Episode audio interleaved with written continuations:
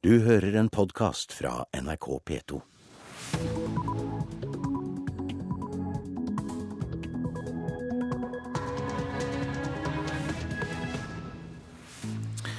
Vi slår fast at klokka er 6.30 tirsdag 23. april. Øystein Heggen ønsker deg velkommen til P2s Nyhetsmorgen. KrF-leder Knut Arild Hareide kan komme til å velge familien framfor en statsrådsjobb. Gassprisene kan bli for lave til at oljeindustrien åpner nye felt sørøst i Barentshavet. Bekymringen er jo at du ikke finner nok i ett stort felt, og at utbyggingen da blir for, for kostbar. Analytiker Trond Omdal i Arctic Securities. Datatilsynets sjef har testet Facebooks nye og omstridte søkermotor. Han forteller om sine erfaringer her i Nyhetsmorgen. Og vi skal høre om bekymringen for minnehull.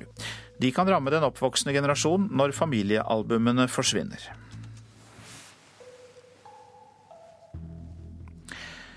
Kristelig Folkepartis leder Knut Arild Hareide kan komme til å droppe en statsrådsjobb, selv om KrF skulle komme i regjering etter valget.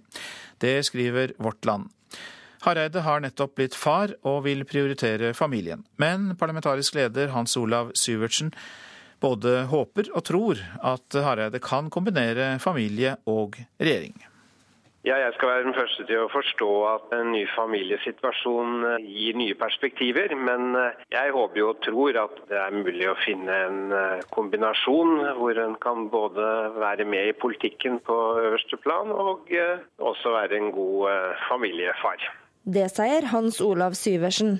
I helga sa partileder Knut Arild Hareide til VG at det er viktigere for han å få KrF inn i regjering enn at han sjøl skal være en del av den. Dette er vel første gang vi hører en eh, partileder som før vedkommende har kommet inn i opposisjon, sier at uh, hensynet til familien og små barn går først. Og kanskje vil noen også synes at det er overraskende at dette kommer fra en politiker i KrF. Det sier valgforsker ved NTNU Anders Todal Jensen. Han sier det blir mer kronglete å få forankra regjeringa sine saker i partiet når partilederen er utenfor regjeringa. Likevel tror han en slik ordning kan fungere godt for KrF. Og av og til kan det være nødvendig da med en tydelig røst som på utsida kan stå og minne sympatisører om at partiets grunnstandpunkt kan skille seg fra det som er regjeringas politikk til enhver tid. Hans Olav Syversen ser mange gode argument for at partilederen bør sitte i regjeringa, og tror Hareide vil ombestemme seg. Jeg er helt overbevist om at vi skal eh, i fellesskap, og når det blir aktuelt eh, etter valget eventuelt, sørge for at vi får en god representasjon i regjering. Og det er jeg helt sikker på at eh, også Knut Arild Hareide vil bidra til. Parlamentarisk leder Hans Olav Syvertsen der, og Hareide selv ønsker ikke å kommentere denne saken, men bekrefter overfor NRK at han vil velge familien over en statsrådsjobb dersom han må velge. Reporter Ellen Wiseth. En kvinne ble funnet drept på Holmsbu i Hurum i Buskerud mandag kveld. En mann er pågrepet, mistenkt for å ha drept henne. Kvinnen var i 40-årene, og det var vitner til stede under drapet, forteller lensmann Reidar Foss. Eh, det vi eh, vet er at det er funnet en kvinne som er eh, funnet død. Vi har pågripet en antatt gjerningsmann som er kjørt til arresten i Drammen. Vi har vært vitner til stede på der hvor gjerningen har skjedd. Disse er også tatt hånd om av politiet og vil bli avhørt fortløpende. Det vi vet er at på bakgrunn av eh, meldinga som kom til politiet og åstedet, at, eh, at, er, eh, at vi snakker om et drap. Åtte kinesiske patruljebåter har gått inn i japansk farvann, ifølge japanske myndigheter. De kinesiske fartøyene har gått inn mot en gruppe øyer i Øst-Kinahavet, som på japansk heter Senkaku, og på kinesisk Diaoyo. De japanske myndighetene kaller dette for den mest omfattende grensekrenkelsen siden den japanske staten kjøpte de ubebodde øyene fra en privatperson i fjor. Japan har levert en skarp protest til Kina. En gruppe japanske nasjonalister har også sendt skip til området rundt øyene. Gassprisene er sannsynligvis for lave til at oljeindustrien åpner nye felt sørøst i Barentshavet.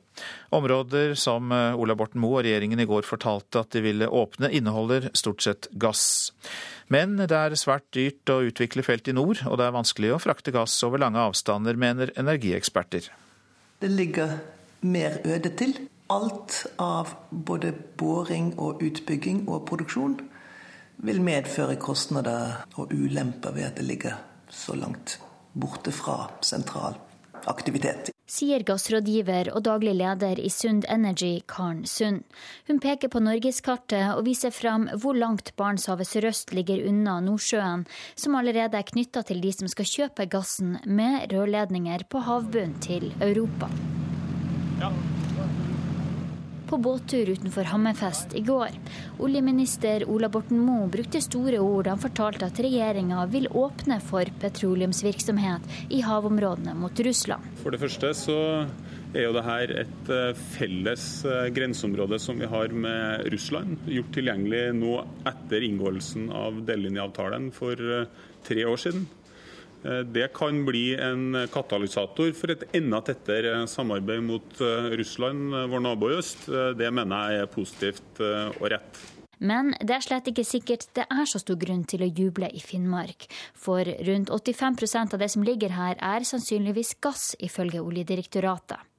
Det er mye mindre penger i gass enn i olje, og det kan koste 20 ganger så mye å frakte gassen til markedene som det koster å frakte olje samme avstand. Avstandene blir kanskje så store at det ikke lønner seg, mener gassrådgiver Karen Sund.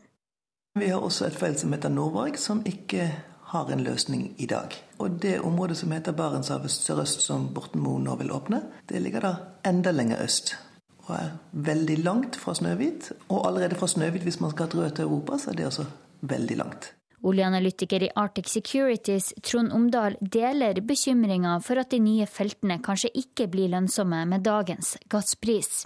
Basert på Oljedirektoratets estimater så estimerer de eh, at gassressursene er mindre enn to ganger Snøhvitfeltet for hele området. Og Det forteller jo at uh, Bekymringen er jo at, det, det, det, at, du, at, du, ikke finner nok i ett stort felt, og at utbyggingen da blir for, for kostbar. Og framover er det ingen som vet hva gassprisen blir. Karen Sund tror den går ned, mens Omdal og meglerhuset Arctic Securities tror den stiger. Men det finnes kanskje uansett andre måter for Finnmark å bruke gassen på, foreslår energirådgiver Sund.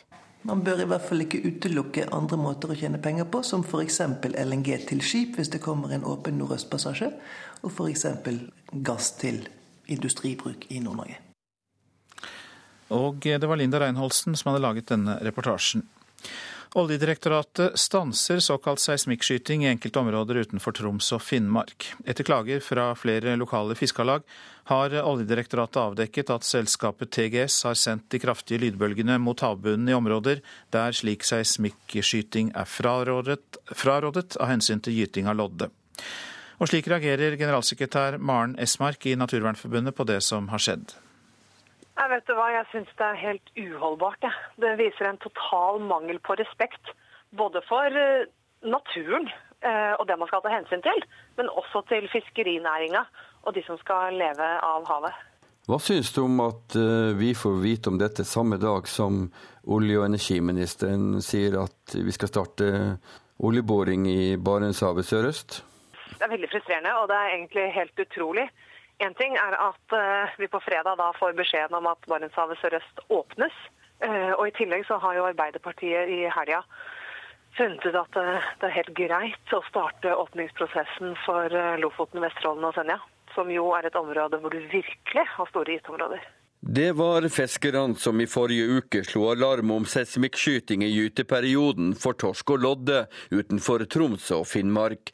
Slik reagerer styreleder i Fiskarlaget Nord, Hans Petter Rasmussen, at det nå er avdekka at det har vært skutt seismikk i områder der Havforskningsinstituttet har fraråda slik virksomhet. Så jeg er egentlig litt rystet over det jeg hører her.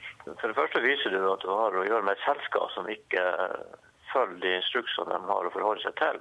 Men det viser jo òg litt at det mangler kontroll fra OD på hva egentlig det er som eh, foregår. Reporter Øystein Antonsen. Så til avisene. Toppkarakter gir topplønn, skriver Adresseavisen. Hvis målet er høyest mulig lønn, bør det brukes studietiden på lesesalen framfor å ta på deg frivillige verv. Det viser en ny undersøkelse ved teknisk, Norges teknisk naturvitenskapelige universitet i Trondheim, NTNU. Klarer ikke å gi god nok pleie til syke nyfødte, er Aftenpostens oppslag. Fylkeslegen skal granske Rikshospitalets nyfødtavdeling etter ansatte har varslet om lav bemanning og feilmedisinering. Konflikten mellom sykehusene i Arendal og Kristiansand har kostet 10 millioner kroner på én måned, skriver Fedrelandsvennen. Verken politikerne eller journalistene har skylden, men våre egne fagmiljøer, sier direktør Jan Roger Olsen ved Sørlandet sykehus. I Bergen ligger nesten 3000 bygninger i områder hvor faren er stor for brannspredning, skriver Bergens Tidende. Likevel stilles ikke krav til ekstra sikring.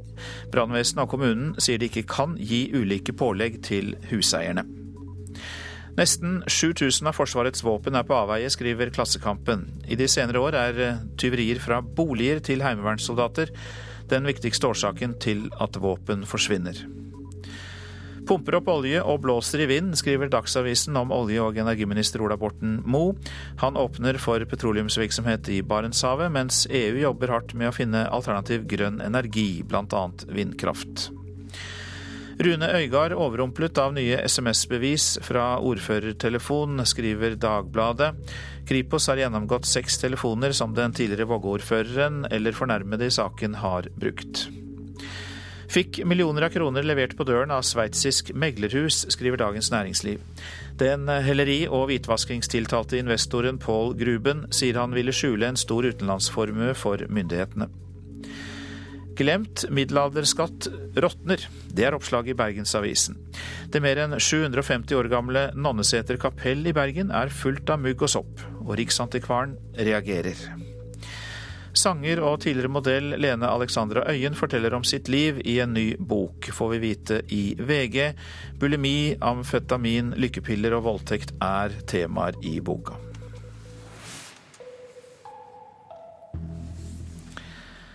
Den eh, engelske toppserien i fotball nå. Manchester United sikret seg går kveld seriemesterskapet i Premier League for 20. gang, og dermed startet festen for supporterne. Elleville scener utenfor Old Trafford. Absolutely fantastic. Absolutely brilliant. It's, it's incredible. It, it's done now. Manchester City are gone. Great game, great game. Deserve to be champions. Great. Go on, United! Jeffrey Taylor's looked at his watch, a second glance, blows his whistle, and Manchester United, for the 13th time in the era of the Premier League, for the 20th time overall, are deserved champions of England. Congratulations to them. For 20. gang ble Manchester United seriemestere etter at de i går kveld knuste Aston Villa 3-0 på Old Trafford. Trener sir Alex Ferguson er imponert over laget, apparatet rundt, og sier dette har vært en fantastisk sesong. Vi had a fantastic season. The consistency has been phenomenal. A great bunch of boys in there, a good staff, great support. All the ingredients to win a title. You know, the expectation we live up to it. We got our trophy back! We got our trophy back! Van Persie, the legend! Og for en kamp det ble for Uniteds del i går kveld. Superspissen med nummer 20 på ryggen, Robin van Persie, sørger for tre mål på en drøy halvtime i første omgang. Mål nummer to kom vakkert på hel volley. Årets mål, ifølge Ferguson. Well, as far as I'm concerned, it's the goal of the season. I don't care with the rest of them. Med 84 poeng er det ingen som kan ta igjen United med fire kamper igjen å spille. Dermed blir det nok et seriegull for Ferguson, hans 13. så langt. Likevel, han innrømmer at det tar på å vinne med United for en 71-åring. Hva came in? Ten years off me today. But yeah, these tablets are great. No one's ever done it before. It's 20. History. Yay! Reporter her, Anders Engeland. Ja, dette er Nyhetsmorgen, klokka passerte nettopp 6.44. Vi har disse hovedsakene. KrF-leder Knut Arild Hareide kan komme til å velge familien framfor en statsrådsjobb. Gassprisene kan bli for lave til at oljeindustrien åpner for nye felt i Barentshavet, mener energieksperter. Og folk får for liten tid til boligkjøp, mener Forbrukerrådet. Nå vil de utsette akseptfristen for bud på boliger. Mer om det litt seinere i Nyhetsmorgen.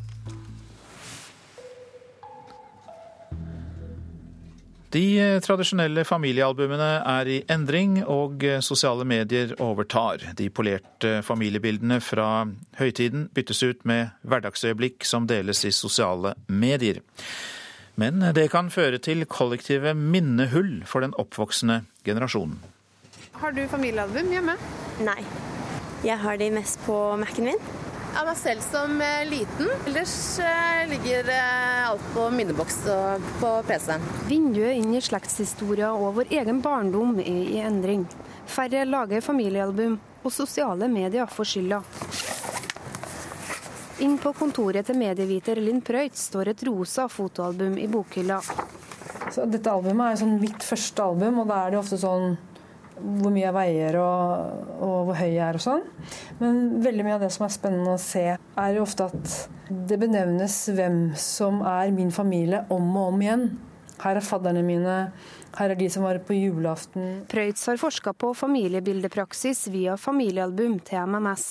De digitale leketøyene vi har med oss, har ofte kamera, og endrer derfor våre albumtradisjoner. Nå lagrer vi album på sosiale medier. Hver og en har bildene sine på sine personlige medier, sånn som mobiltelefon, eller de har bildedelingstjenester sånn som Flikker, eller de har fotoalbum på Facebook f.eks. Også markedsansvarlig i Japan Foto og Eurofoto, Inger Lise Vereide, bekrefter at færre lager tradisjonelle familiealbum. Vi merker det på at eh, de småbildene, det som vi kaller standardprint, som du satte inn i album, den typen eh, fremkalling den har gått betraktelig ned de siste åra. Jeg syns det er kjempetrist, for det er mye mye koseligere å bla i album. Så man ser veldig sjelden på de bildene man har på PC. Også medieviteren syns det er synd at vi ikke lager tradisjonelle album lenger. For albumet er en viktig plass hvor vi kan vise hvor vi hører til og hvordan vi lever. Hun mener barn går glipp av viktige historier om sin egen oppvekst. Den oppvoksende generasjoner får kollektive minnehull. Det er eh, deler av oppveksten som på en måte ikke finnes representert i et album.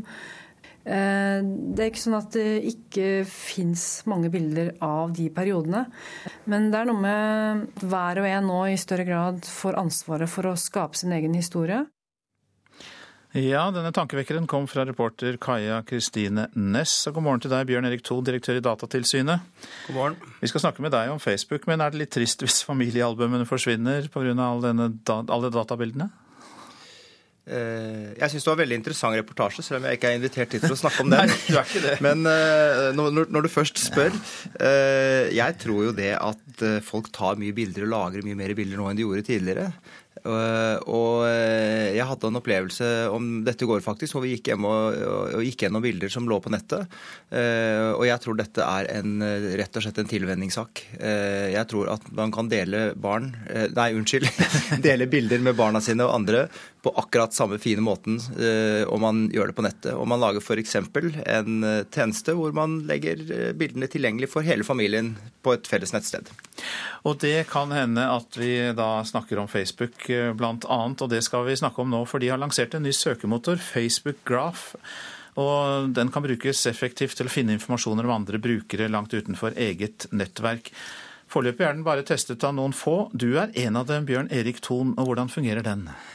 Ja, Det er jo som du sier en søketjeneste, eh, og det er noe nytt med Facebook. For tidligere er det jo slik at du har lagt ut informasjon, men hvis du f.eks. skal leite etter folk som er medlem av et politisk parti, eller at du er ute etter noen som bor et spesielt sted, eller er single, eller hva det måtte være, eh, så må du liksom gå inn og lete på hver profil.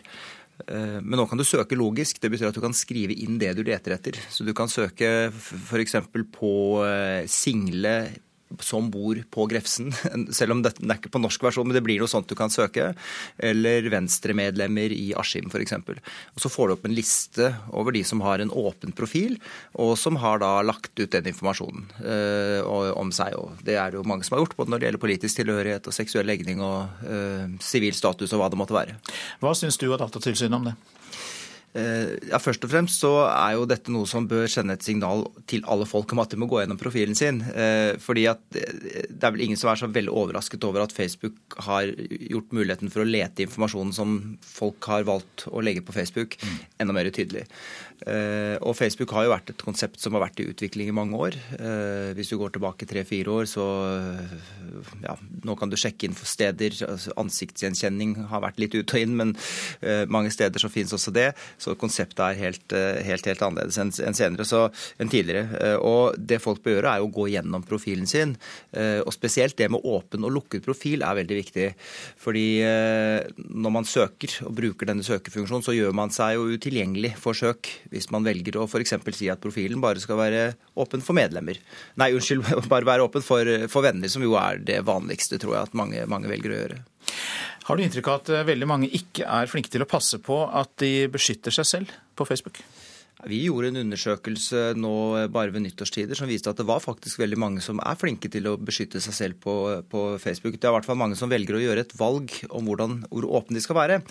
Eh, og så vidt jeg husker så var det 44% som hadde vært inne og sjekka eller og gjort noe med personverninnstillingene sine det siste halvåret. Eh, og det er et ganske høyt tall. Eh, en annet interessant tall fra den undersøkelsen er at de som er minst flink til å Eh, stille inn profilen sin, eh, det er de som er ja, pluss 55. Eh, det er veldig mange av de nå som er på Facebook, men de er ikke på langt nær så flinke til å skjule informasjonen sin og være bevisst på hva de legger ut, og ikke minst stille inn personverninnstillingene sine. Og dette kan komme tilbake mot deg senere hvis du ikke passer på Bjørn Erik Thon? Det kan det gjøre. Så her er det viktig nå å bruke denne anledningen. Nå vil Facebook informere godt, har de sagt, for vi har snakket med dem om det på forhånd før de lanserer dette i Norge. Og så får folk bruke den tida til å rydde opp i profilen sin. Mange takk for at du kom innom, direktør i Datatilsynet, Bjørn Erik Thon. Færre søker mediefag etter videregående skole. Flere store mediehus har hatt noen tøffe år, og nedskjæringer i bransjen får skylda for det lave søkertallet, ifølge medieforsker. Replikker i løpet av filmen. Basert på et av Munchs malerier. Et bilde som heter 'To mennesker, de ensomme'. Filmen viser en mann og en lettkledd kvinne på en holme. Eksamensforberedelsene er i gang for elevene som går siste året på medie og kommunikasjon ved Elvebakken videregående. De har søkt på skoler for høyere utdanning, men ikke alle ønsker å fortsette å studere mediefag. Jeg skal ta opp fag for å utdanne meg til ingeniør senere. Det sier Finn Julius Stefansen Smith, som har studert medier og kommunikasjon i tre år. Ustabile jobber, eh, ikke stabil inntekt. Det er rett og slett jobber de ikke kan stole på. Det gjør at man heller velger noe annet. Ifølge ferske tall fra Samordna opptak er det mange som tenker som Finn Julius. Søknaden til mediefag ved høyskoler og universitet har gått ned med 6,5% Nesten 300 færre har søkt sammenlignet med 2012.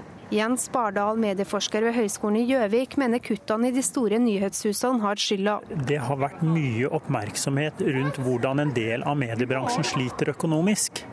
Og at det kan påvirke uh, unge mennesker til kanskje ikke å tørre å satse på media som sin framtidige arbeidsplass. Over 1000 årsverk er kutta i Skipsted og rundt 500 i A-media.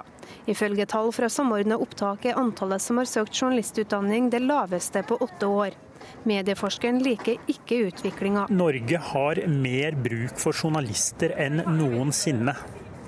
Samfunnet vokser, det er flere og flere ting som bør passes på. Ehm, men dessverre, eh, sånn som økonomien er, så blir det færre og færre journalister. Noe som gjør at det blir eh, mer og mer i samfunnet som ikke blir passet på av journalister.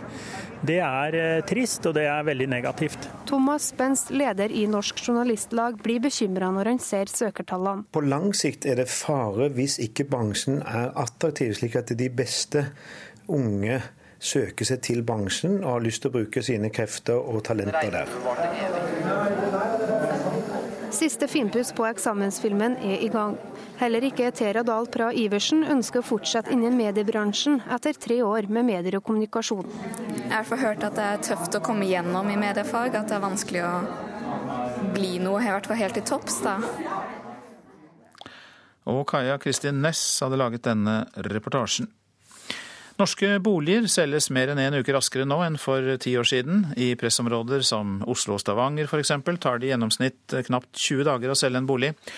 Og i mange tilfeller var boligen solgt innen klokka tolv dagen etter visning. Vi ble med på visning i den byen hvor boligprisene har steget nesten 300% de siste ti år, Stavanger. Det er visning i en boligbyggelags enebolig på Kjensvoll i Stavanger. Eiendomsmegler Stian Miljeteig viser Øyvind Evensen rundt i huset. Den er fylt inn fra den sida, og så det bak. Kan jeg si at den på denne sida her, og slipper å ha På dette tidspunktet har annonsen for huset ligget på Finn i seks dager. Det er tre dager siden den sto i avisa. Klokka tolv dagen etter kan boligen være solgt. Thomas Bartholdsen er fagansvarlig for bolig i Forbrukerrådet. I dag er folk på visning den ene kvelden og kommer hjem med masse informasjon, og neste morgen er de i full gang med budrunden. Da har de egentlig bare en natt til å lese, undersøke, vurdere og sammenligne. Sånn leilighet som det ja. Det jeg ser etter, er at det er forholdsvis oppussa. Nødvendig må ikke være det, men det er greit. Det ser ålreit ut. Og nabolaget òg, ikke minst. Visningen er i realiteten det første muligheten eh, en boligkjøper har til å sette seg inn i hvordan boligen er, og om vi kommer til å trives i dette hvis vi kjøper. Og Derfor så er det viktig å sikre tid mellom visning og budrunden. Det som var Et godt voksent par ser seg om i huset. De har spørsmål om utbygging. Formidlingstid, dvs. Si fra annonsa kommer til boligen er solgt, var 27 dager i Norge i fjor. I Oslo var den 17, i Stavanger 19. For bare fire år siden var den 26 dager i Oslo, 24 i Stavanger. For ti år siden var den over en måned. Det er 28 visninger i Stavanger denne dagen. Vi sjekker fem av dem. Litt etter lunsj dagen etter er tre av de fem solgt. Dagen etter der igjen selges den fjerde.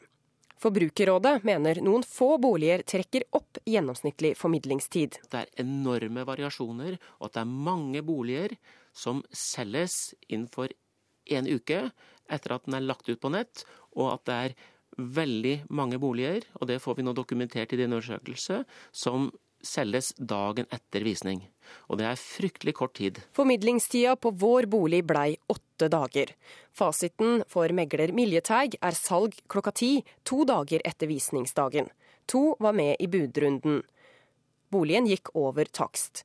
Forbrukerrådet mener dette bør være det tidligste tidspunktet det er lov til å selge en bolig i framtida. Vårt krav er at de skal få en dag og det betyr at den forskriften som sier at uh, akseptfristen skal være klokka tolv første dag etter visning, det bør flyttes til andre dag etter visning. Det er bare å endre ett ord i en forskrift, og det kan politikerne gjøre, så er vi i mål. På Kjensvoll har Øyvind Evensen sett ferdig. Hvis du skulle lagt inn bud på denne her i morgen, da, føler du at det er god nok tid fram til tolv i morgen? Det er egentlig det. Men det er kort, det er kort beslutningstid. Det er det. Reporter Mari Rollag Evensen. Så tar vi et værvarsel fram til midnatt. Fjell i Sør-Norge, vestlig kuling utsatte steder. Fra i ettermiddag lokalt sterk kuling sør for Finse. Sludd- og snøbyger, men i østlige områder for det meste opphold og perioder med sol. Så ser vi på Agder, Telemark og Østlandet samlet. På kysten liten kuling, enkelte regnbyger vest i Agder. Ellers for det meste opphold og til dels pent vær. Rogaland regnbyger, snøbyger i høyereliggende strøk. Lokalt mye nedbør i nord, fra i ettermiddag liten kuling.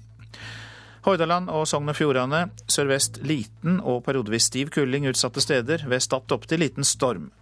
Regnbyger, snøbyger i høyereliggende strøk. Lokalt mye nedbør. Møre og Romsdal sørvest stiv eller sterk kuling på kysten. Regnbyger, snøbyger i høyden og utrygt for torden. Trøndelag sørvest stiv kuling på kysten. Fra utpå ettermiddagen til dels sterk kuling. Enkelte regnbyger og utrygt for torden også i Trøndelag. Helgeland og Saltfjellet sørlig kortvarig stiv eller sterk kuling på kysten. Fra i ettermiddag sørvestlig periodevis stiv kuling og perioder med regn. Så tar vi Salten, Ofoten, Lofoten og Vesterålen. Sørøstlig liten kuling utsatte steder. Tidlig ettermiddag dreiende sørlig med kortvarig sterk kuling vest i Lofoten. Litt regn av og til, særlig i ettermiddag. Troms sørøst liten kuling utsatte steder. I grensestrøkene litt sludd og snø, ellers stort sett opphold. Fra seint i ettermiddag litt regn eller snø. Finnmark eh, av og til stiv kuling utsatte steder. Litt regn eller sludd av og til på vidda, ellers for det meste opphold. Nordensjøland på Spitsbergen litt sludd av og til, og særlig i øst. Temperaturer klokka fem. Svalbard og Kirkenes tre, Varde fire, Alta tre, Tromsø fem, Bodø seks, Brønnøysund fem, Trondheim åtte, Molde fem. Bergen og Stavanger seks, Kristiansand og Gardermoen fire, Lillehammer tre, Røros null og Oslo-Blindern hadde fem grader klokka fem.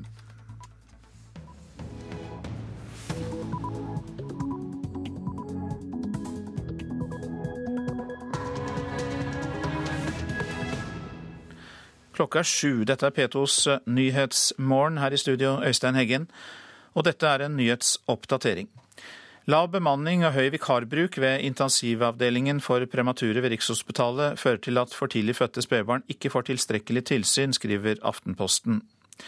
Mange norske familier misbruker aupairordningen for å få seg billig hushjelp, viser forskning. Jeg tenker at eh, dette er en skummel ordning.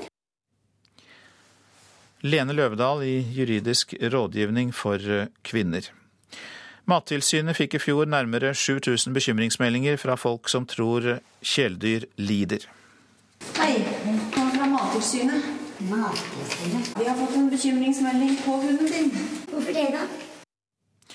Nå vil veterinær Trude Mostue ha offentlig omplasseringshjem for dyr.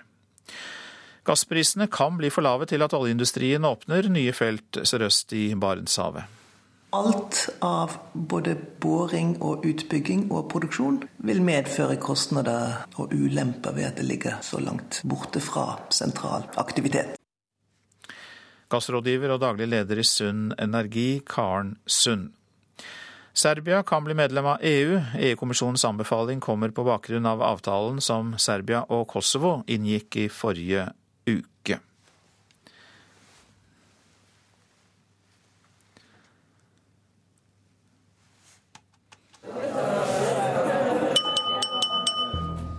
Hjertelig velkommen alle sammen. Det var hyggelig at så mange kunne komme i konfirmasjonen til Magne. Dette for å understreke at det er konfirmasjonstid, og stadig flere foreldre betaler profesjonelle for å skrive taler og konfirmasjonssanger.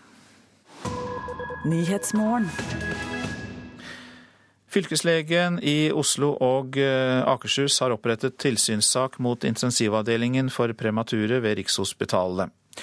Lav bemanning og høy vikarbruk fører til at de aller mest sårbare pasientene på sykehuset ikke får tilstrekkelig tilsyn, skriver Aftenposten. Fylkeslege Petter Skau ser svært alvorlig på meldingene fra Rikshospitalet.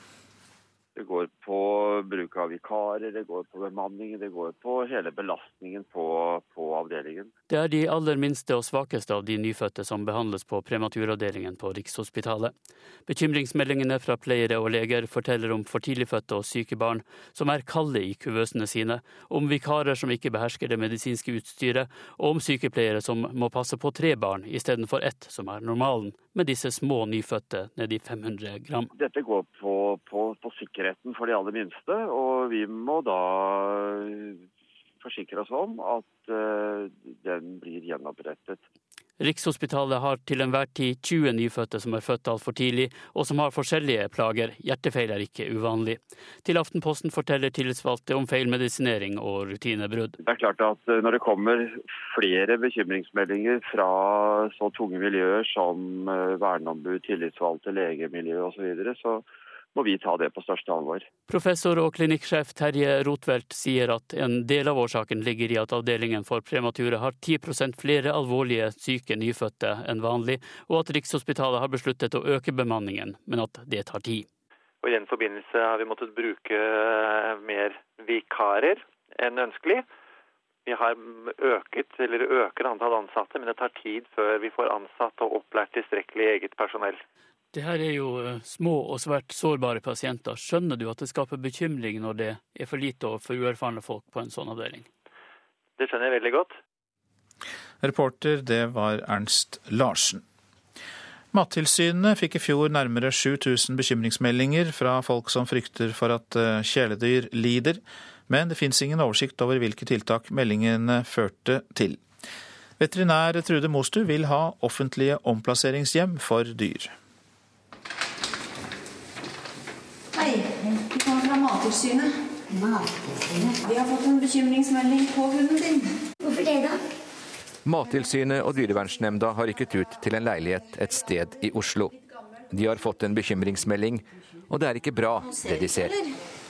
Jo, ser, det er så, vær så fin form. For noen tenner du hadde. Fryktelig lange klør. Det er snart gått tre år siden Mattilsynet lanserte sin nye varslingstjeneste på internett. Stadig flere av oss benytter seg av denne muligheten til å sende en bekymringsmelding når vi har en mistanke om at dyr lider. Og så er det en svulst på venstre side. I fjor fikk Mattilsynet inn nærmere 7000 bekymringsmeldinger. Men tilsynet har ingen oversikt over hvilke og hvor mange tiltak som er gjennomført som en følge av disse meldingene.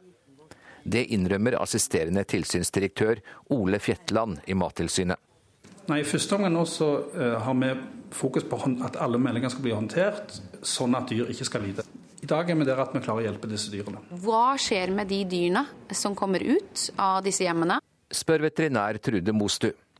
Myndighetene er blitt helt avhengig av private ildsjeler når kjæledyr skal omplasseres, sier hun. Det finnes jo ikke noe uh, omplasseringshjem som, uh, som, er organisert fra det offentlige. Da kontakter man da en av disse dyrevernsorganisasjonene. Vet du hva sagt at du er sjuk? De opplyser aldri hvem vi får Nei, nei, men det, det er ikke noe gærent med ham. Du er så frisk. Har dere vært ute og lufta i dag? Vet du, Hun har vondt i ryggen, så vi, har, vi, har, vi er ikke så mye ute med lenger. Vi, vi har vogn. Og en vogn, vi triller i vogn.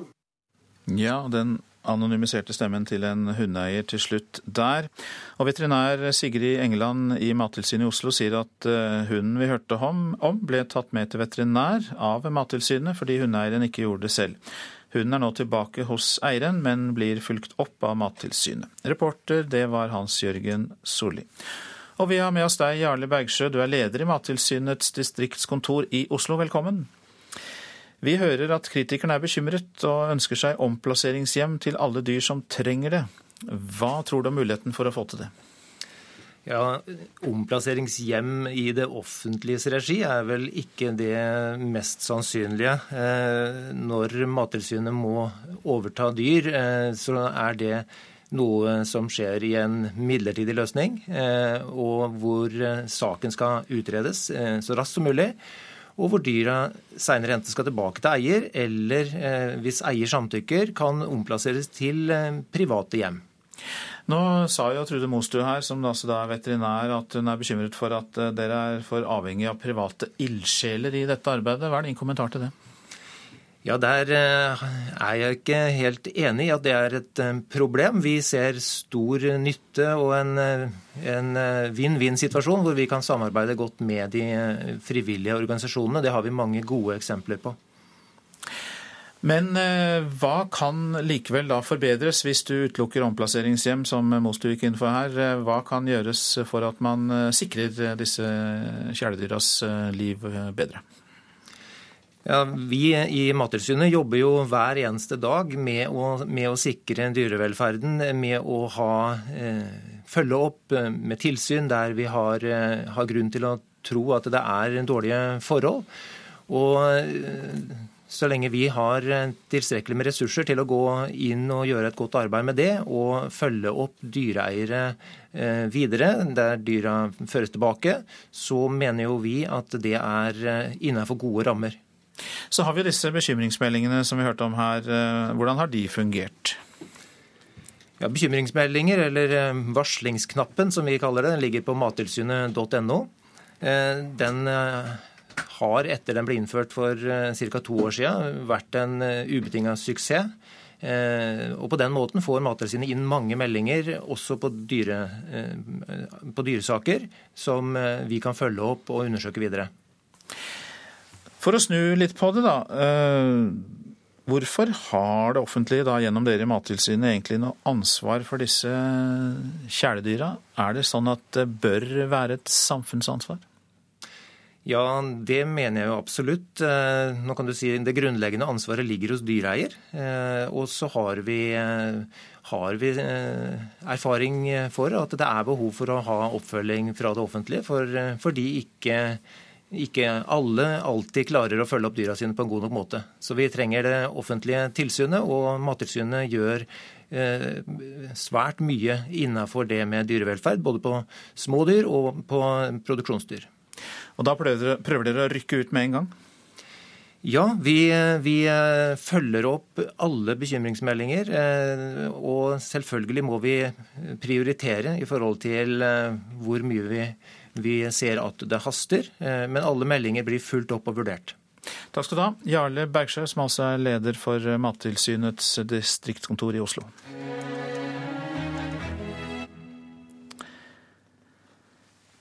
Antall au pairer som kommer til Norge er mer enn firedoblet eh, siden år 2000. Det viser tall fra Utlendingsdirektoratet.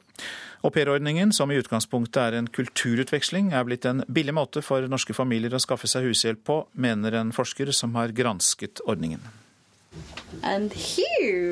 Filippinske Heidi leker med lille Sara hjemme hos familien Agnese på Sagene i Oslo. Mor Miriam har stor glede av au pairen. Det er en veldig stor hjelp for meg å ha Heidi, som kan hjelpe til med husarbeid og hjelpe meg med litt ærender og gå og handle og gjøre litt sånne praktiske ting. Like, um, I kontrakten heter det at au pairen skal være en del av familien og ikke jobbe mer enn fem timer om dagen. I tillegg til kost og losji og norskkurs så får de 5000 kroner i lommepenger i måneden. På papiret kaller myndighetene det en kulturutveksling, men det er ikke alle som føler seg så hjemme som Heidi. I praksis så fungerer ikke det slik. Sier sosiolog Maria Bikova, som har forska på aupairordningen. Det er fire ganger så mange au pairer i Norge i dag enn i 2000. Men Bikova sier det for mange har blitt en ren arbeidsordning. Au pairen blir ikke alltid behandlet som et medlem av vertsfamilien. Um, og vertsfamilien opptrer overfor au pairen som en arbeidsgiver. Lene Løvdahl i JURK, juridisk rådgivning for kvinner, mener få familier faktisk overholder kontraktene. Jeg tenker at uh, dette er en skummel ordning. Hvor mange anslagsvis tror dere av vertsfamiliene holder seg strengt til kontrakten?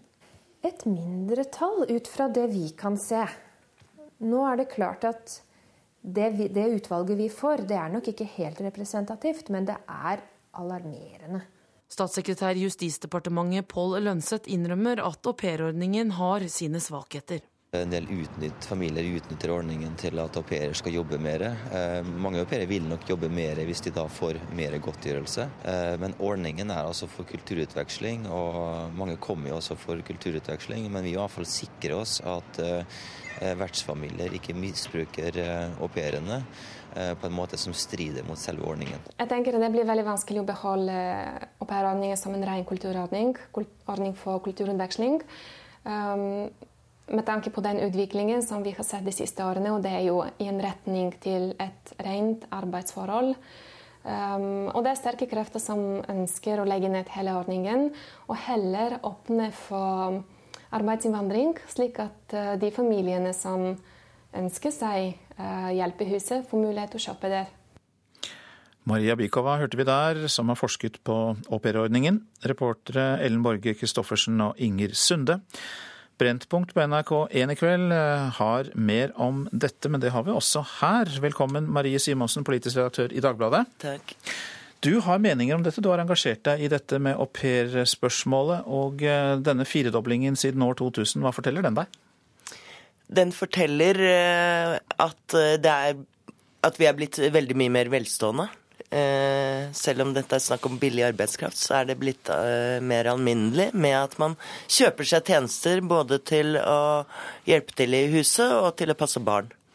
Hva syns du om ordningen og den kritikken som kom fram her? Eh, dette jo, kommer jo frem med jevne mellomrom, og jeg skjønner ikke hvorfor denne ordningen overhodet har livets rett. Det er helt åpenbart at dette ikke er snakk om kulturutveksling, men utnytting av arbeidskraft. Og det er et Eh, alminnelige arbeidsforhold, men, men, på en billig måte. Eh, særlig, Man ser jo at uh, veldig mange, det er en veldig stor andel filippinere, og de er nærmest blitt den vestlige verdens nannies. Dette er jo et, dette er et fenomen som du ser i Storbritannia, i den rike delen av Asia. eh, store deler av verden ser man det.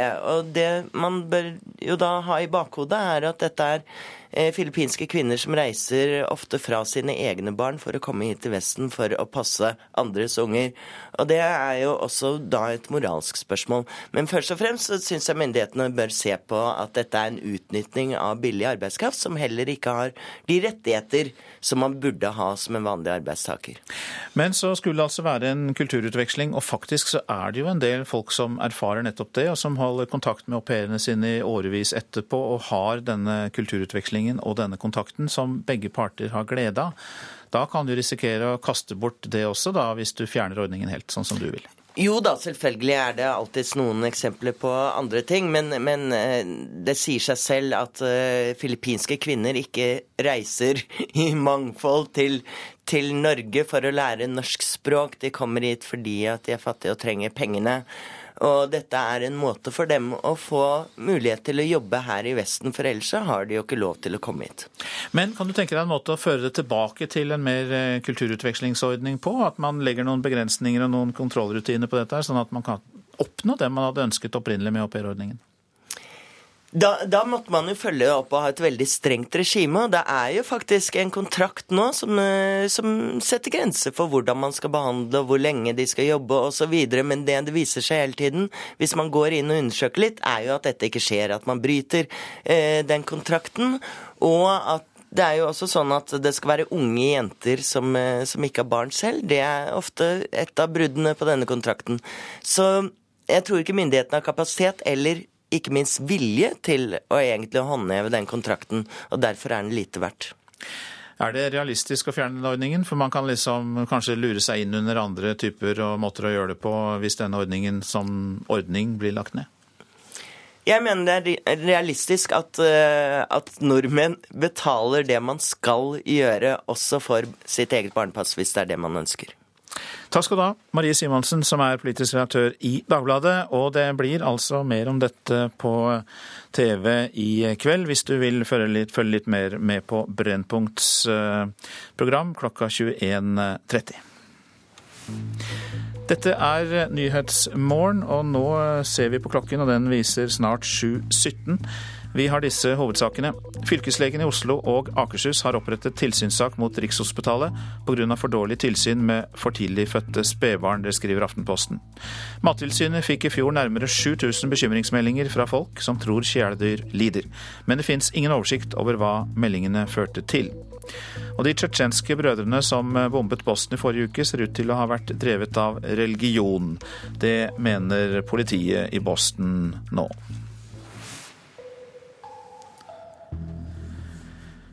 EU-kommisjonen anbefaler at det innledes forhandlinger om EU-medlemskap med Serbia. Anbefalingen kommer på bakgrunn av avtalen som Serbia og Kosovo inngikk i forrige uke. Og mange ser på det som et historisk gjennombrudd, fem år etter at Kosovo erklærte seg uavhengig. Men nord i Kosovo er den serbiske minoriteten ikke fornøyd. Serbere i den nordlige delen av Kosovo protesterer. Serbia, hvor er du på vei? Uten hjertet ditt Kosovo, står det på plakatene. Protestene kommer etter at den serbiske regjeringen nå har godtatt en avtale med Kosovo, fremforhandlet av EU. Ifølge Kosovo-avisa Ekspress sier avtalen bl.a. at den serbisk-dominerte delen av Kosovo skal fortsette å være en del av landet.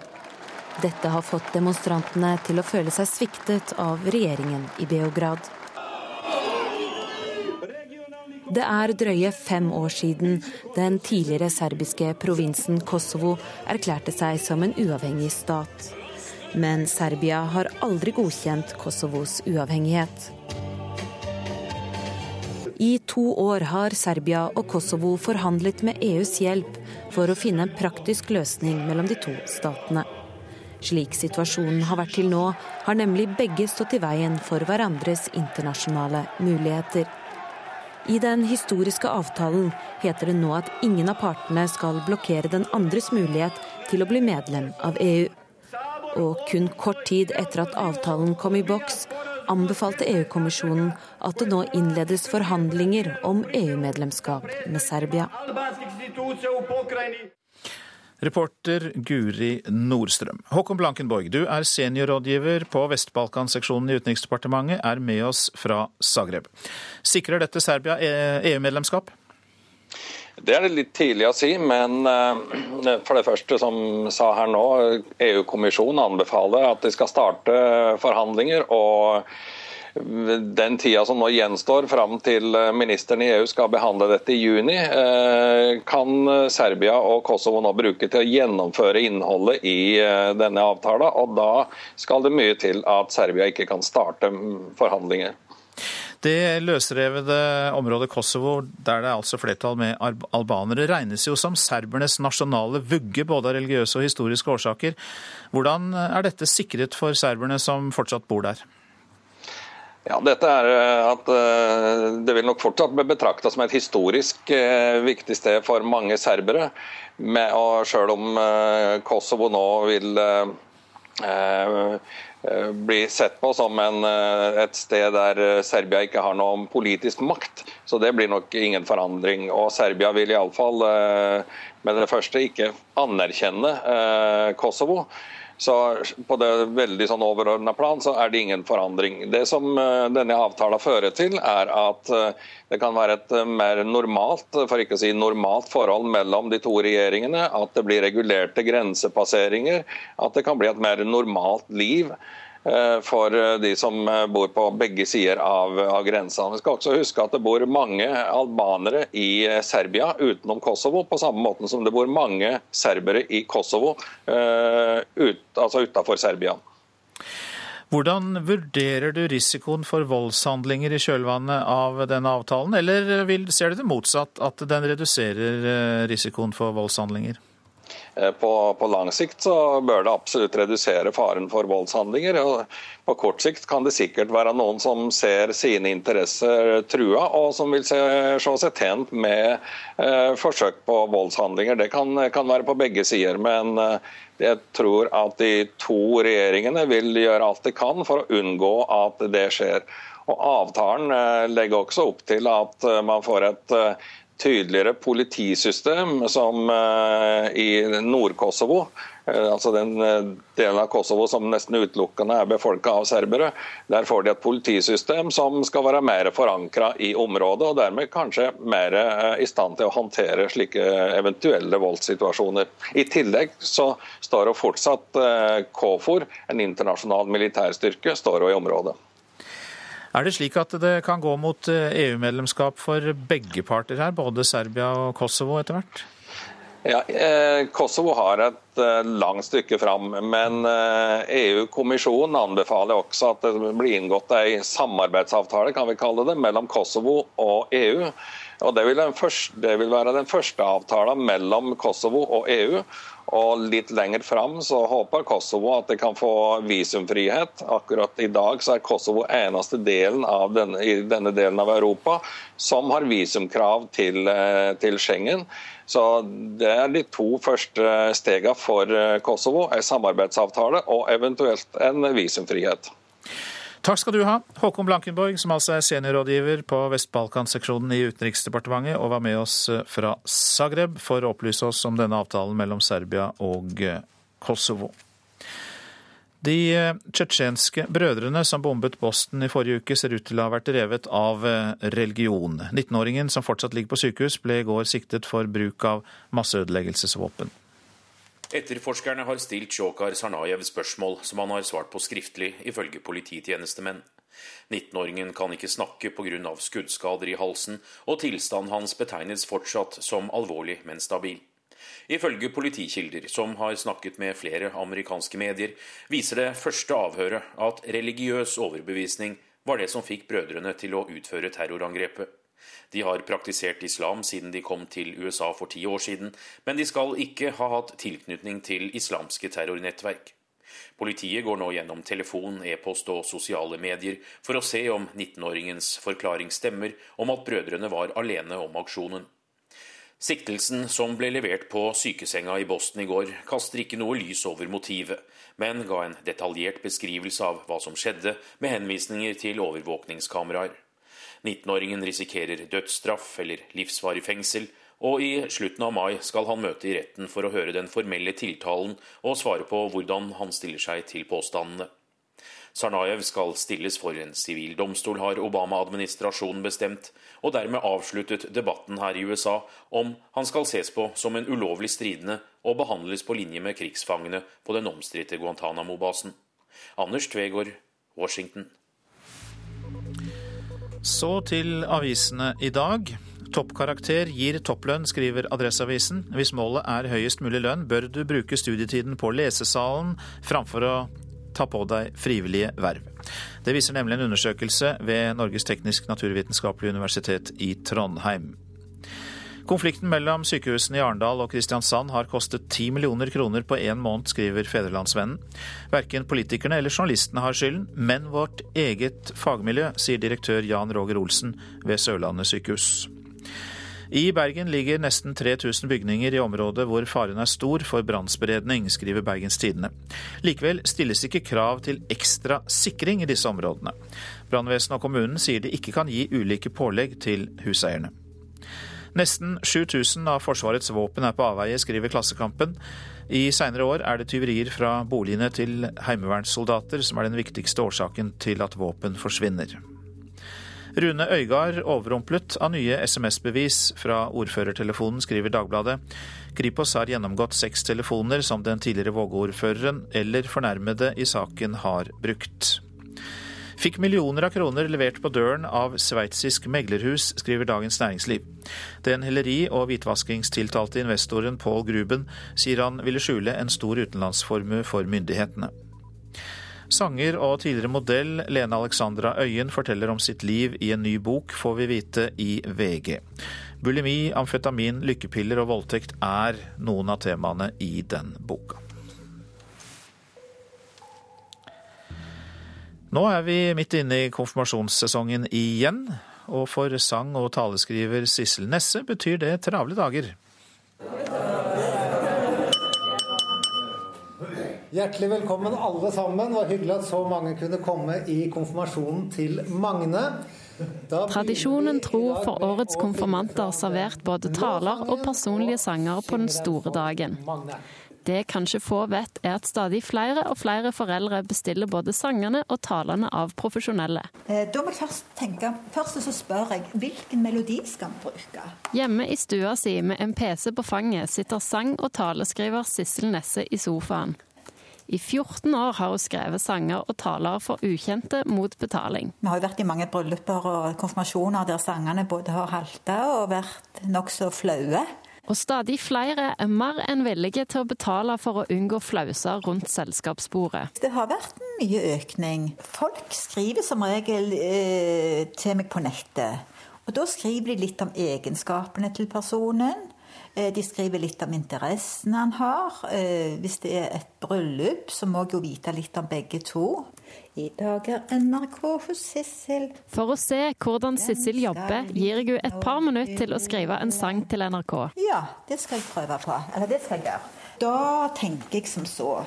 Det aller beste er jo å bruke melodier som har lange verselinjer. For Mm. da får du sagt ganske mye før du igjen skal rime. For eksempel eh, hvis jeg hva, hva mer er det om NRK? Hva var det du sa for noe?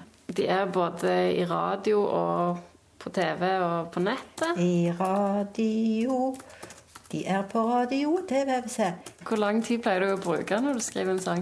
Altså, jo, nå, nå klarte jeg å lage denne på veldig kort tid, og jeg bruker ikke all verdens tid fordi at jeg jeg er ganske rask. Kundene dine, er det helst folk med mye penger og lite tid, eller? Nei, det er alle slags typer folk. Eh, De kommer fra fjern og nær, og det er alle lag av befolkningen. Hva er det mest spesielle du har eh, gjort? Sånn lagt tale til, eller? Oh, det kan jeg ikke røpe, men Oi. jeg har lagd det til kjendiser og sånn. Ja, ja, ja. Men altså, det skal, alltid være, det skal alltid være veldig hemmelig, for ingen vil jo si fra at de har bestilt noe. I dag er NRK hos Sissel, dem skal vi nå hylle. De er så snille, derfor vil de gjerne meg forgylle. NRK er bare topp, de hos mange stiller opp. Underholder oss så bra, i dem er alle glad. Ja, her ble vi nesten stumme av dette. Sangfugl og reporter i innslaget var Linn Irén Ervik Nilsen. Takk skal du ha. Du lytter til Nyhetsmorgen på NRK P2. I Russland reageres det kraftig på at vestlig presse prøver å stille Russland ansvarlig for de to mistenkte tsjetsjenerne etter terrorangrepet i Boston. Mer om det i reportasjen etter Dagsnytt. Eli Bjelland er produsent for Nyhetsmorgen. Her i studio, Øystein Heggen.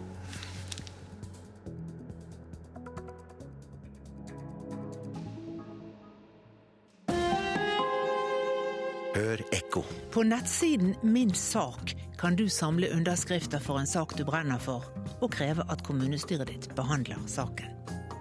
Er det internett som skal redde lokaldemokratiet når oppslutningen om de politiske partiene synker, og ungdommen ikke bryr seg om politikk?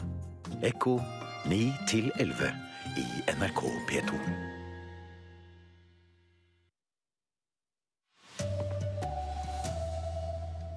For tidlig fødte på Rikshospitalet får ikke nok tilsyn, varsler sykepleiere. Svært alvorlig, sier fylkeslegen. KrF-leder Knut Arild Hareide vurderer å si nei til statsrådpost. Filippinske au pairer i Norge utnyttes som billig arbeidskraft, mener forsker. God morgen, her er NRK Dagsnytt klokken 7.30. Fylkeslegen i Oslo og Akershus har opprettet tilsynssak mot intensivavdelingen for eh, for tidligfødte ved Rikshospitalet. Lav bemanning og utstrakt bruk av vikarer fører til at de aller mest sårbare pasientene på sykehuset ikke får nok tilsyn, skriver Aftenposten. Fylkeslege Petter Schou ser alvorlig på meldingene fra Rikshospitalet. Det går på bruk av vikarer, det går på bemanning, det går på hele belastningen på, på, avdelingen. Det er de aller minste og svakeste av de nyfødte som behandles på prematuravdelingen på Rikshospitalet. Bekymringsmeldingene fra pleiere og leger forteller om for tidligfødte og syke barn som er kalde i kuvøsene sine, om vikarer som ikke behersker det medisinske utstyret, og om sykepleiere som må passe på tre barn istedenfor ett, som er normalen, med disse små nyfødte nedi 500 gram. Dette går på, på, på sikkerheten for de aller minste, og vi må da forsikre oss om at uh, den blir gjenopprettet. Rikshospitalet har til enhver tid 20 nyfødte som er født altfor tidlig, og som har forskjellige plager. Hjertefeil er ikke uvanlig. Til Aftenposten forteller tillitsvalgte om feilmedisinering og rutinebrudd. Det er klart at eh, når det kommer flere bekymringsmeldinger fra så tunge miljøer som eh, verneombud, tillitsvalgte, legemiljø osv., så, videre, så må vi ta det på største alvor. Professor og klinikksjef Terje Rotvelt sier at en del av årsaken ligger i at avdelingen for premature har 10% flere alvorlige syke nyfødte enn vanlig, og at Rikshospitalet har besluttet å øke bemanningen, men at det tar tid. Og I den forbindelse har vi måttet bruke mer vikarer enn ønskelig. Vi har øket, eller øker antall ansatte, men det tar tid før vi får ansatt og opplært tilstrekkelig eget personell. Det her er jo eh, små og svært sårbare pasienter. Skjønner du at det skaper bekymring når det er for lite og for uerfarne folk på en sånn avdeling? Det skjønner jeg veldig godt. Klinikksjef Terje Rotfeldt på Rikshospitalet til reporter Ernst Larsen. KrF-leder Knut Arild Hareide kan komme til å droppe en statsrådsjobb, selv om KrF skulle havne i regjering etter valget. Det skriver Vårt Land. Hareide har nettopp blitt far og vil prioritere familien. Men parlamentarisk leder Hans Olav Syversen både håper og tror at Hareide kan kombinere familie og regjering.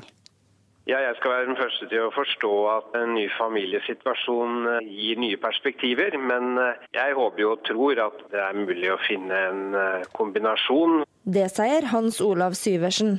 I helga sa partileder Knut Arild Hareide til VG at det er viktigere for han å få KrF inn i regjering enn at han sjøl skal være en del av den. Dette er vel første gang vi hører en eh, partileder som eh, før vedkommende har kommet inn i opposisjon, sier at uh, hensynet til familien og små barn går først. Det sier valgforsker ved NTNU Anders Todal Jensen.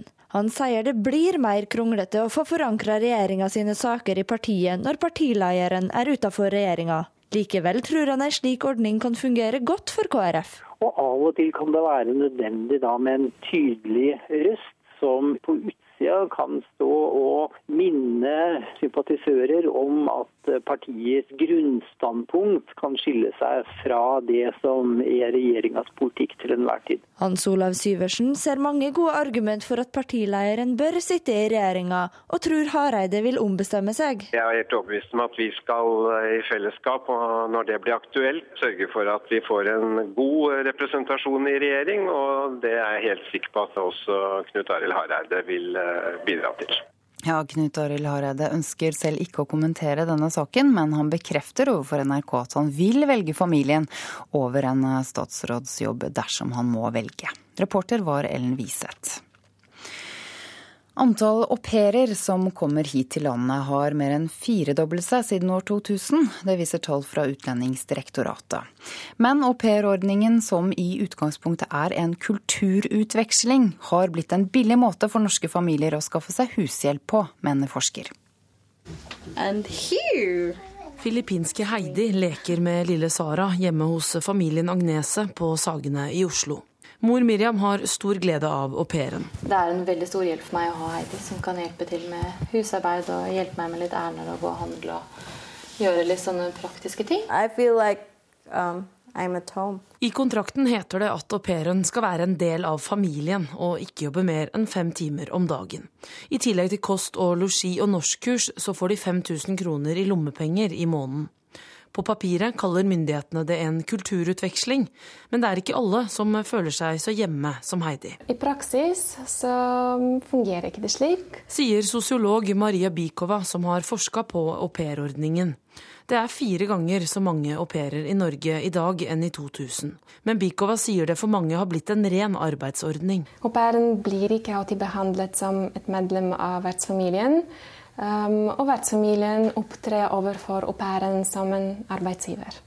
Statssekretær i Justisdepartementet Pål Lønseth innrømmer at aupairordningen har sine svakheter. En del utnytt, familier utnytter ordningen til at au pairer skal jobbe mer.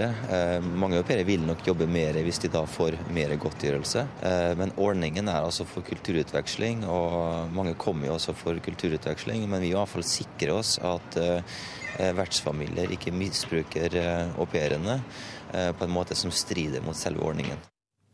Det blir mer om dette i programmet Brennpunkt på NRK1 i kveld klokken 21.30. Reportere her var Ellen Borge Christoffersen og Inger Sunda.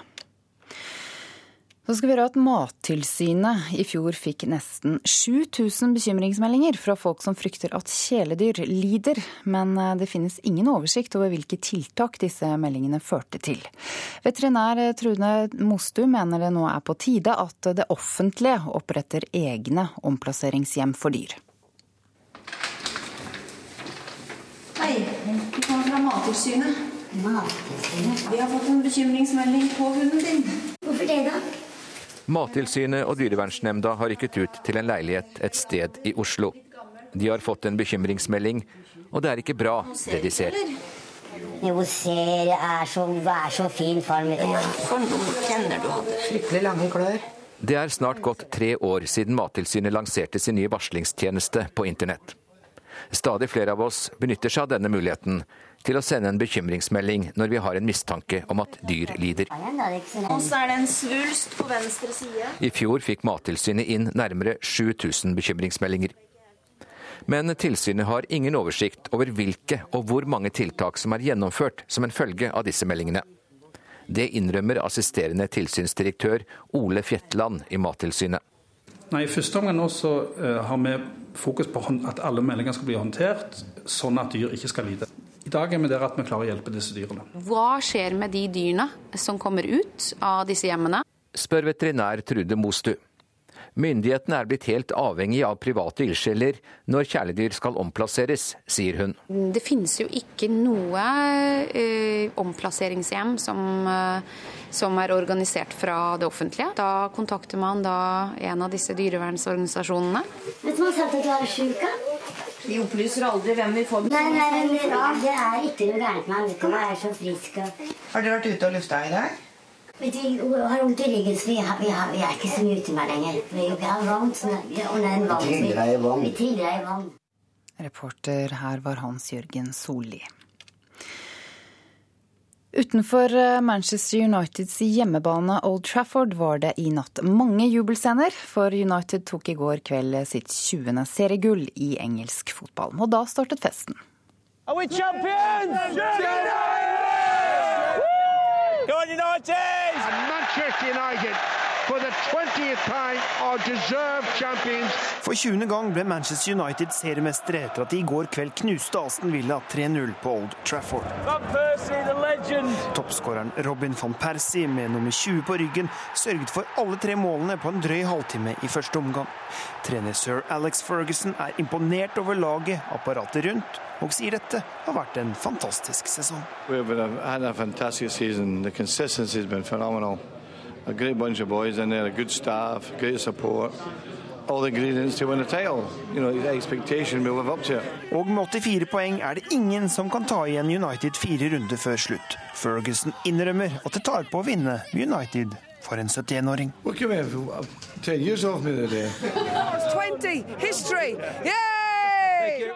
Reporter her var Anders Engeland. Ansvarlig for sendingen eh, Erlend Rønneberg, teknisk ansvarlig Beate Haugtrø. I studio Ida Creed.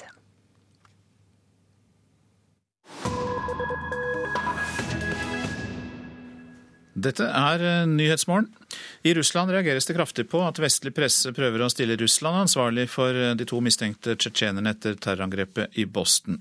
Presidentens pressetalsmann mener en del utenlandske korrespondenter dekker russisk politikk i Nord-Kaukasus med tvilsomme kilder. President Putin selv sa dette om angrepet.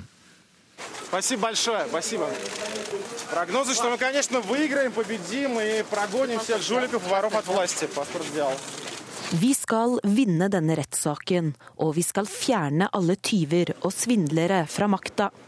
Det sa Aleksej Navalnyj på vei til rettssalen i Kirov nordøst for Moskva denne uka.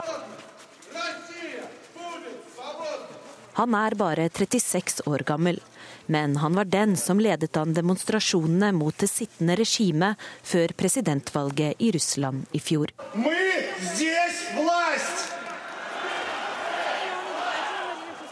De siste seks årene har han blogget om korrupsjon i staten. BBC beskriver ham som den eneste store opposisjonsfiguren som har kommet fram i Russland de siste fem årene. For det første er han en yngre person, og det er viktig, fordi opposisjonen har ofte vært frontet av figurer fra 90-tallet som, eh, som folk ikke har gode assosiasjoner med. Det sier forsker Julie Wilhelmsen ved Norsk utenrikspolitisk institutt. Navalny har jobbet med å avsløre korrupsjon, og han er også en karismatisk personlighet. Han appellerer til en, en type russisk russisk eh, patriotisme eller, eller, nasjonalisme. Og det er populært i, i Russland i dag.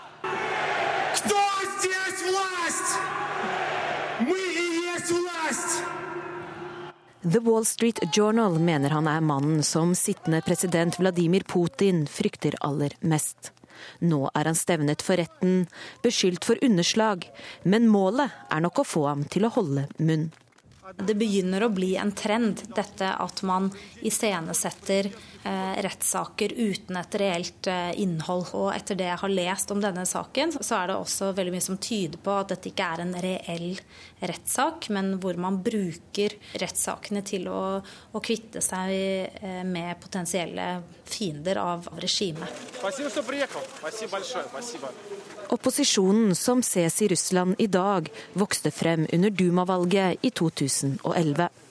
Og så skjedde det noe viktig bare noen måneder før det valget, nemlig at Putin og Medvedev sto frem og sa at nå skulle de bytte plass. Nå skulle Putin bli president igjen, og Medvedev skulle bli statsminister. I hvert fall så fremsto det sånn eh, for det russiske publikum at de som sitter eh, på toppen nå er så suverene at de bare kan bestemme seg for å bytte plass, og at disse valgene da egentlig ikke betyr noe. Men den russiske opposisjonen er liten. Den er heller ikke særlig godt samlet. Det at den likevel finnes, gjør den unik. Putin har vært eh, ganske suveren. Hans popularitet har bare steget og steget. Og det er på den bakgrunn man må forstå at en liten opposisjon er skremmende, rett og slett fordi det har ikke vært noen før. Og så er det helt klart en, en større internasjonal kontekst som Putin skuler til når han handler. Eh, og det handler om de revolusjonene som har vært i Midtøsten den senere tid, hvor regimer som har sittet eh, med makten over lang tid, har blitt veltet av noe som begynte med en liten demonstrasjon og opposisjon, men som så ble en revolusjon. Og da er mye av tankegangen slik at eh, man må ta dette fra starten av, før det rekker å vokse seg stort, og, og, og slå hardt ned på det. Спасибо большое. Спасибо.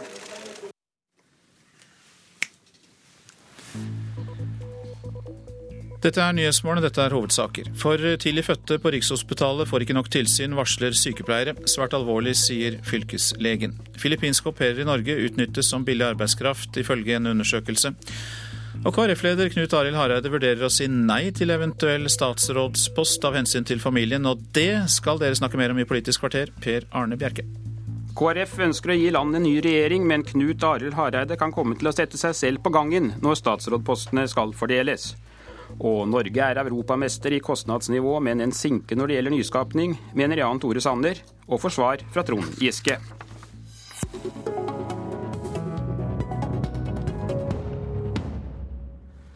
Om to dager åpner Kristelig Folkepartis landsmøte i Trondheim, og landsmøtet kommer til å bekrefte at partiet vil bidra til at landet får en ny regjering. Men partileder Knut Arild Hareide er i tvil om han i det hele tatt vil bli statsråd. skriver avisen Vårt Land i dag. Han begrunner det med hensynet til familien og sitt nyfødte lille barn. Redaktør i samfunnsavdelingen i Vårt Land, Berit Aalborg, hvor sikre er dere på at han vurderer å takke nei til en eventuell statsrådpost? Du, Det er vi veldig sikre på. Og i går etter at Vårt Land gikk i trykken, så fikk, eh, fikk vi bekrefta det at han har både orientert resten av partiledelsen i KrF, og han har også orientert dem, altså gruppestyret på Stortinget. Så, så er, eh, dette er vi veldig sikre på. Du kjenner jo både Hareide og partiet svært godt. Tror du det bare er person, personlige grunner til at han er usikker på om han vil bli statsråd? Vet du hva, Jeg tror faktisk først og fremst at det er det, at det er flere familiære hensyn. Eh, I begynnelsen så var jeg veldig usikker på det, men etter hvert som, som jeg har snakka med flere og, og, og, og vært i kontakt med flere i KrF, så tror jeg faktisk at det er det som er hovedgrunnen. Hva betyr det for eh, Erna Solbergs ønske om en borgerlig firepartiregjering hvis en av partilederne allerede nå er usikre på om han vil sitte i denne regjeringen? Altså, det er jo um, det er alltid en fordel eh, for en statsminister å ha, å ha partilederne inne i, i regjeringa. Og det handler noe om lojalitet til prosjektet.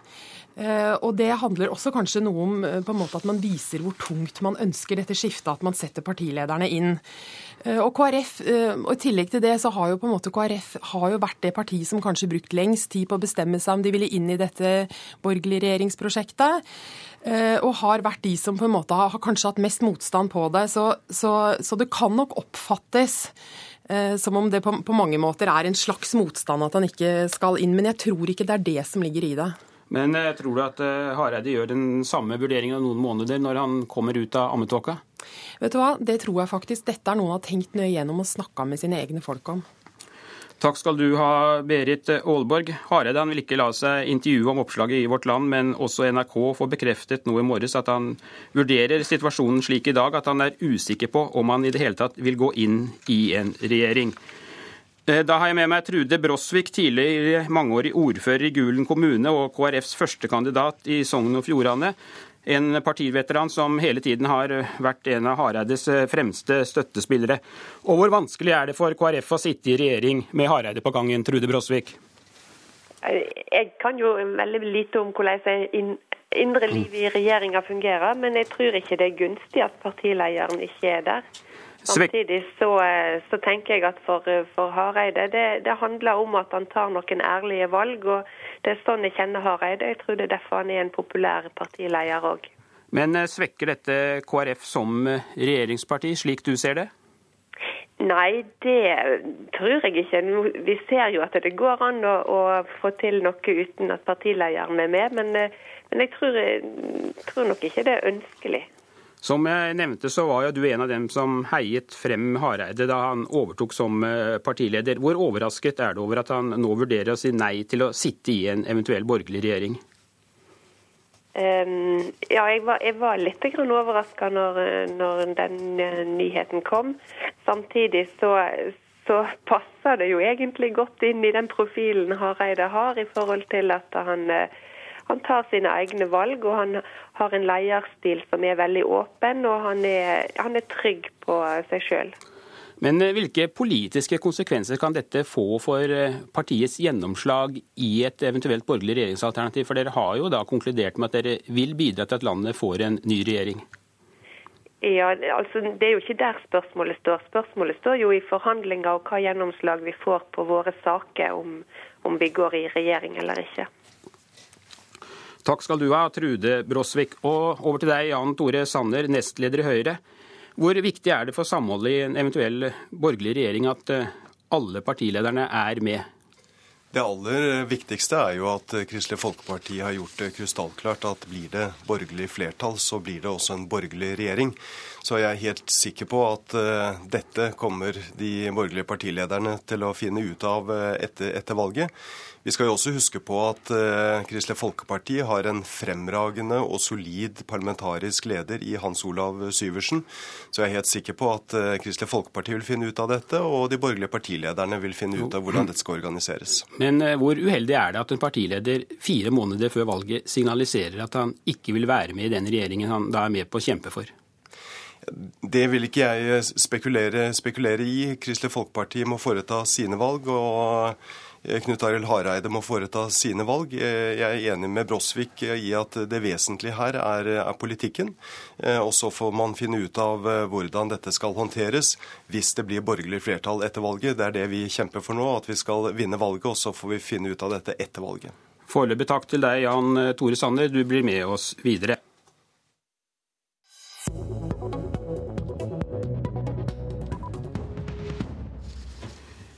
Nyskapning eller innovasjon i næringslivet er tema på Forskningsrådets næringslivsdag.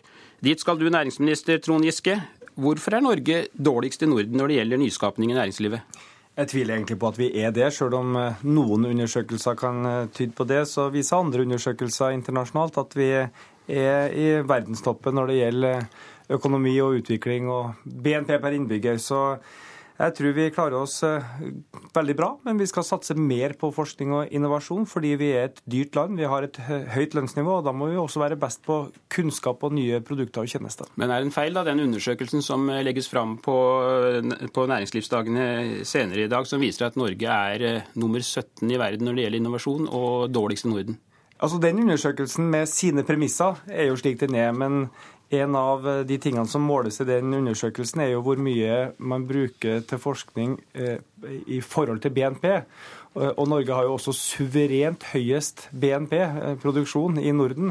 Eh, og det er en av årsakene til at vi da kommer lavere ut opp mot BNP. Men det å ha Nordens høyeste produksjon per innbygger, det er heller ingen dårlig posisjon å ha. Under Arbeiderpartiets landsmøte i forrige uke så viste statsministeren til at det er kommet 250 000 nye arbeidsplasser i privat sektor det siste året. Men du er ikke spesielt imponert, Jan Tore Sander. Hvorfor ikke?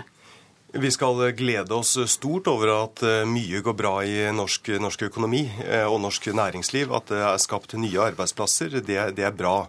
Eh, samtidig så skal vi være klar over at Norge har Europas høyeste kostnadsnivå. Ja, vi ligger faktisk nå 70 over våre handelspartnere. Og når vi har et så høyt kostnadsnivå, så er det enda viktigere at vi eh, jobber smartere, at vi blir mer innovative. Og jeg må si jeg er eh, overrasket eh, over at næringsministeren og Arbeiderpartiet har en så avslappet holdning til at Norge scorer så dårlig. At vi ligger langt etter EU-snittet, at vi ligger nest nederste puljen. At våre naboland ligger helt i, helt i topp, mens vi ligger så langt nede. Det mener jeg bør bekymre. Det er investeringene i dag i kunnskap, i forskning og innovasjon som vil legge til rette for morgendagens arbeidsplasser og morgendagens velferd. Giske, tar du ikke dette helt på alvor, slik eh, Sanner nå sitter og antyder?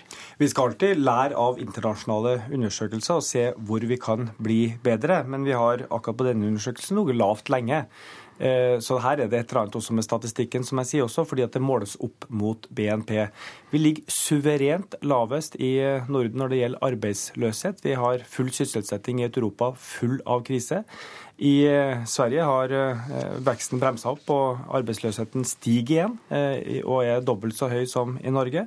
Vi har god vekst i økonomien, og vi har, som programlederen sa, 250 000 flere arbeidsplasser i privat sektor under den rød-grønne regjeringa. Da Høyre styrte i fire år, så ble det 23 000 flere arbeidsplasser. Det er tigangeren i forhold til den gangen Erna Solberg satt i regjering. og det viser jo hvilken vekstkraft, hvilken energi, hvilken entreprenørskap det finnes i norske bedrifter.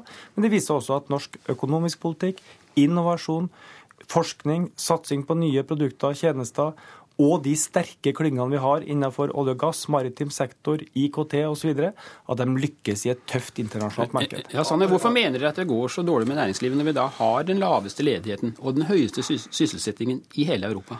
Nå startet jeg med å si at veldig mye går bra, eh, og det skal vi glede oss eh, over. Spørsmål, så kritiserer jo regjeringen veldig. Ja da, og Spørsmålet er hvordan vi håndterer eh, dagens situasjon, hvor vi har Europas høyeste kostnadsnivå, hvor vi har høye transportkostnader, hvor vi scorer dårlig i innovasjon og forskning, og hvor vi har en rekke særnorske skatter og krav som gjør det problematisk for de bedriftene som slåss i de internasjonale markedene. Arbeiderpartiets selvtilfredshet kommer til å bli Arbeiderpartiets bane. Det at man ikke tar på alvor de utfordringene vi står overfor med et høyt kostnadsnivå og lav innovasjon, eh, det tyder på at Arbeiderpartiet ser mer bakover enn det de ser fremover. Vi er nødt til å ha langt høyere ambisjoner for Norge som kunnskapsnasjon. Vi må ha som ambisjon at vi skal ha verdensledende universitetsmiljøer, at vi skal ha Nordens beste universitet, at vi skal bli blant de mest innovative innovative land i verden. Trond Giske har tidligere vært ute eh, og sagt at det er ikke så farlig at Norge ikke scorer så, så bra. Jeg mener det er alvorlig. Vi må ha langt høyere ambisjoner. Det handler om å prioritere. Det handler om å investere mer i kunnskap og forskning. Og det handler også om å legge til mer til rette for innovasjon i næringslivet. Giske. Ja, Jeg er jo helt enig i at vi skal satse på forskning og kunnskap. Eh, jeg har jo sågar vært utdannings- og forskningsminister og tar med meg den erfaringa inn i jobben som næringsminister. Eh, men det virker jo nesten på Sanner som at Høyre aldri har vært i regjering før. Nå opplever vi i norsk næringsliv at det går så godt at vi mangler tusenvis av ingeniører. Eh, så sjekka jeg tallene. Hvordan, had, hvordan, har dette oppstått? Vel, Da eh, vi overtok i 2005, så tok vi opp eh, 4700 ingeniører i året. Nå tar vi opp 7400. Vi har økt med 50% Da Erna Solberg og Sanner eh, styrte, så gikk altså opptaket av ingeniører i Norge i løpet av de årene ned. Det gikk feil vei. Altså, Vi tok færre og færre ingeniører inn i utdanninga. Det er jo ikke hva du sier i opposisjon Jan Tore Sanner, som teller, det er hva du gjør i regjering. Vi satser mer på forskning nå enn noen gang før. Vi satser mer på utdanning nå enn noen gang før. Og vi gjør det fabelaktig bra i norsk økonomi. Vi må slutte å snakke Norge ned, svartmale det som skjer ute i norske bedrifter. Det skjer en enorm innovasjon, produktutvikling og forskning i det næringslivet som er konkurransedyktig i et Europa i dyp krise. Og i høyrestyrte Sverige går det altså mye, mye dårligere. Det virker, det virker, som, det virker som Trond Giske er mer opptatt av å skrive regjeringens testamente enn å ta tak i de utfordringene vi står overfor. Eh, det er ingen tvil om at eh, de store investeringene i Nordsjøen, og ikke minst den høye oljeprisen, bidrar til at det skapes mange arbeidsplasser, og at det er høy aktivitet. Utfordringen det er at eh, den høye oljeprisen gjør at vi også blir veldig sårbare. For hva skjer hvis oljeprisene faller? Jo, da vil det kunne få store negative ringvirkninger både i finansieringen av velferdssamfunnet vårt og norske arbeidsplasser. Vi er sårbare, og det er nettopp derfor vi må få flere bein eh, å stå på. Eh, og regjeringen har ikke prioritert forskning.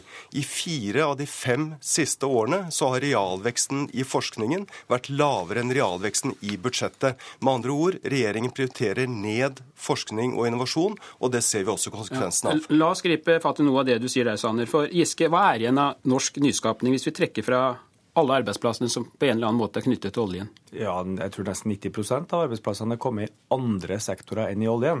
Sånn at det er jo ikke oljen. Oljen bidrar mye til vårt BNP. Eh, men veldig mye av det setter vi jo på sparekonto til framtidige generasjoner. Eh, sysselsettingsveksten kommer jo i svært mange andre sektorer. Vi har sysselsettingsvekst i tjenesteytende næring, vi har i finansnæringa, vi har i IKT, vi har i varehandel, vi har i transport, vi har i tradisjonell industri, vi har i bergverk. Vi har mange, mange tusen arbeidsplasser. Og da Høyre styrte, var det så å si nullvekst. Og grunnen til at jeg sier at det går mye bedre nå, er jo fordi at vi må ikke gå tilbake til den passive skattekuttpolitikken som vi hadde under Høyre. Vi må bruke pengene på F.eks. tidenes satsing på samferdsel for å bedre infrastrukturen, konkurranseforholdene for næringslivet. Disse milliardene må vi bruke der og bygge ut Norge, istedenfor å gi skattekutt i titalls milliarder eller hundre, som Frp vil ha. Sander. det virker igjen som at uh, Trond Giske er mer opptatt av å se bakover enn å se fremover. Uh, vi må sørge for at, uh, at, vi får mer vekstkraft i små og mellomstore bedrifter i, i hele Norge, og at vi får flere, flere bein å stå på. Og Da må vi nettopp ta tak i eh, vår lave score på, uh, innenfor, uh, innenfor, innovasjon. Vi må se hva kan vi lære av andre land.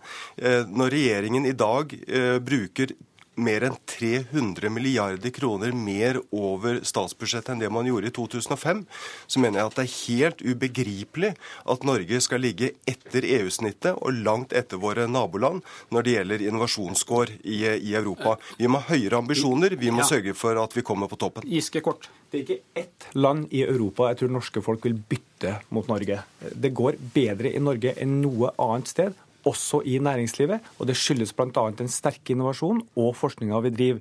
Men så må det sies altså igjen, Sanner, det er ikke bakover vi ser, vi ser framover. Vi skal satse på der, forskning, lange planer, og vi skal satse på bedre konkurransevilkår. Der må jeg sette strek. Takk skal dere ha. Og det var Politisk kvarter med Per Arne Bjerke.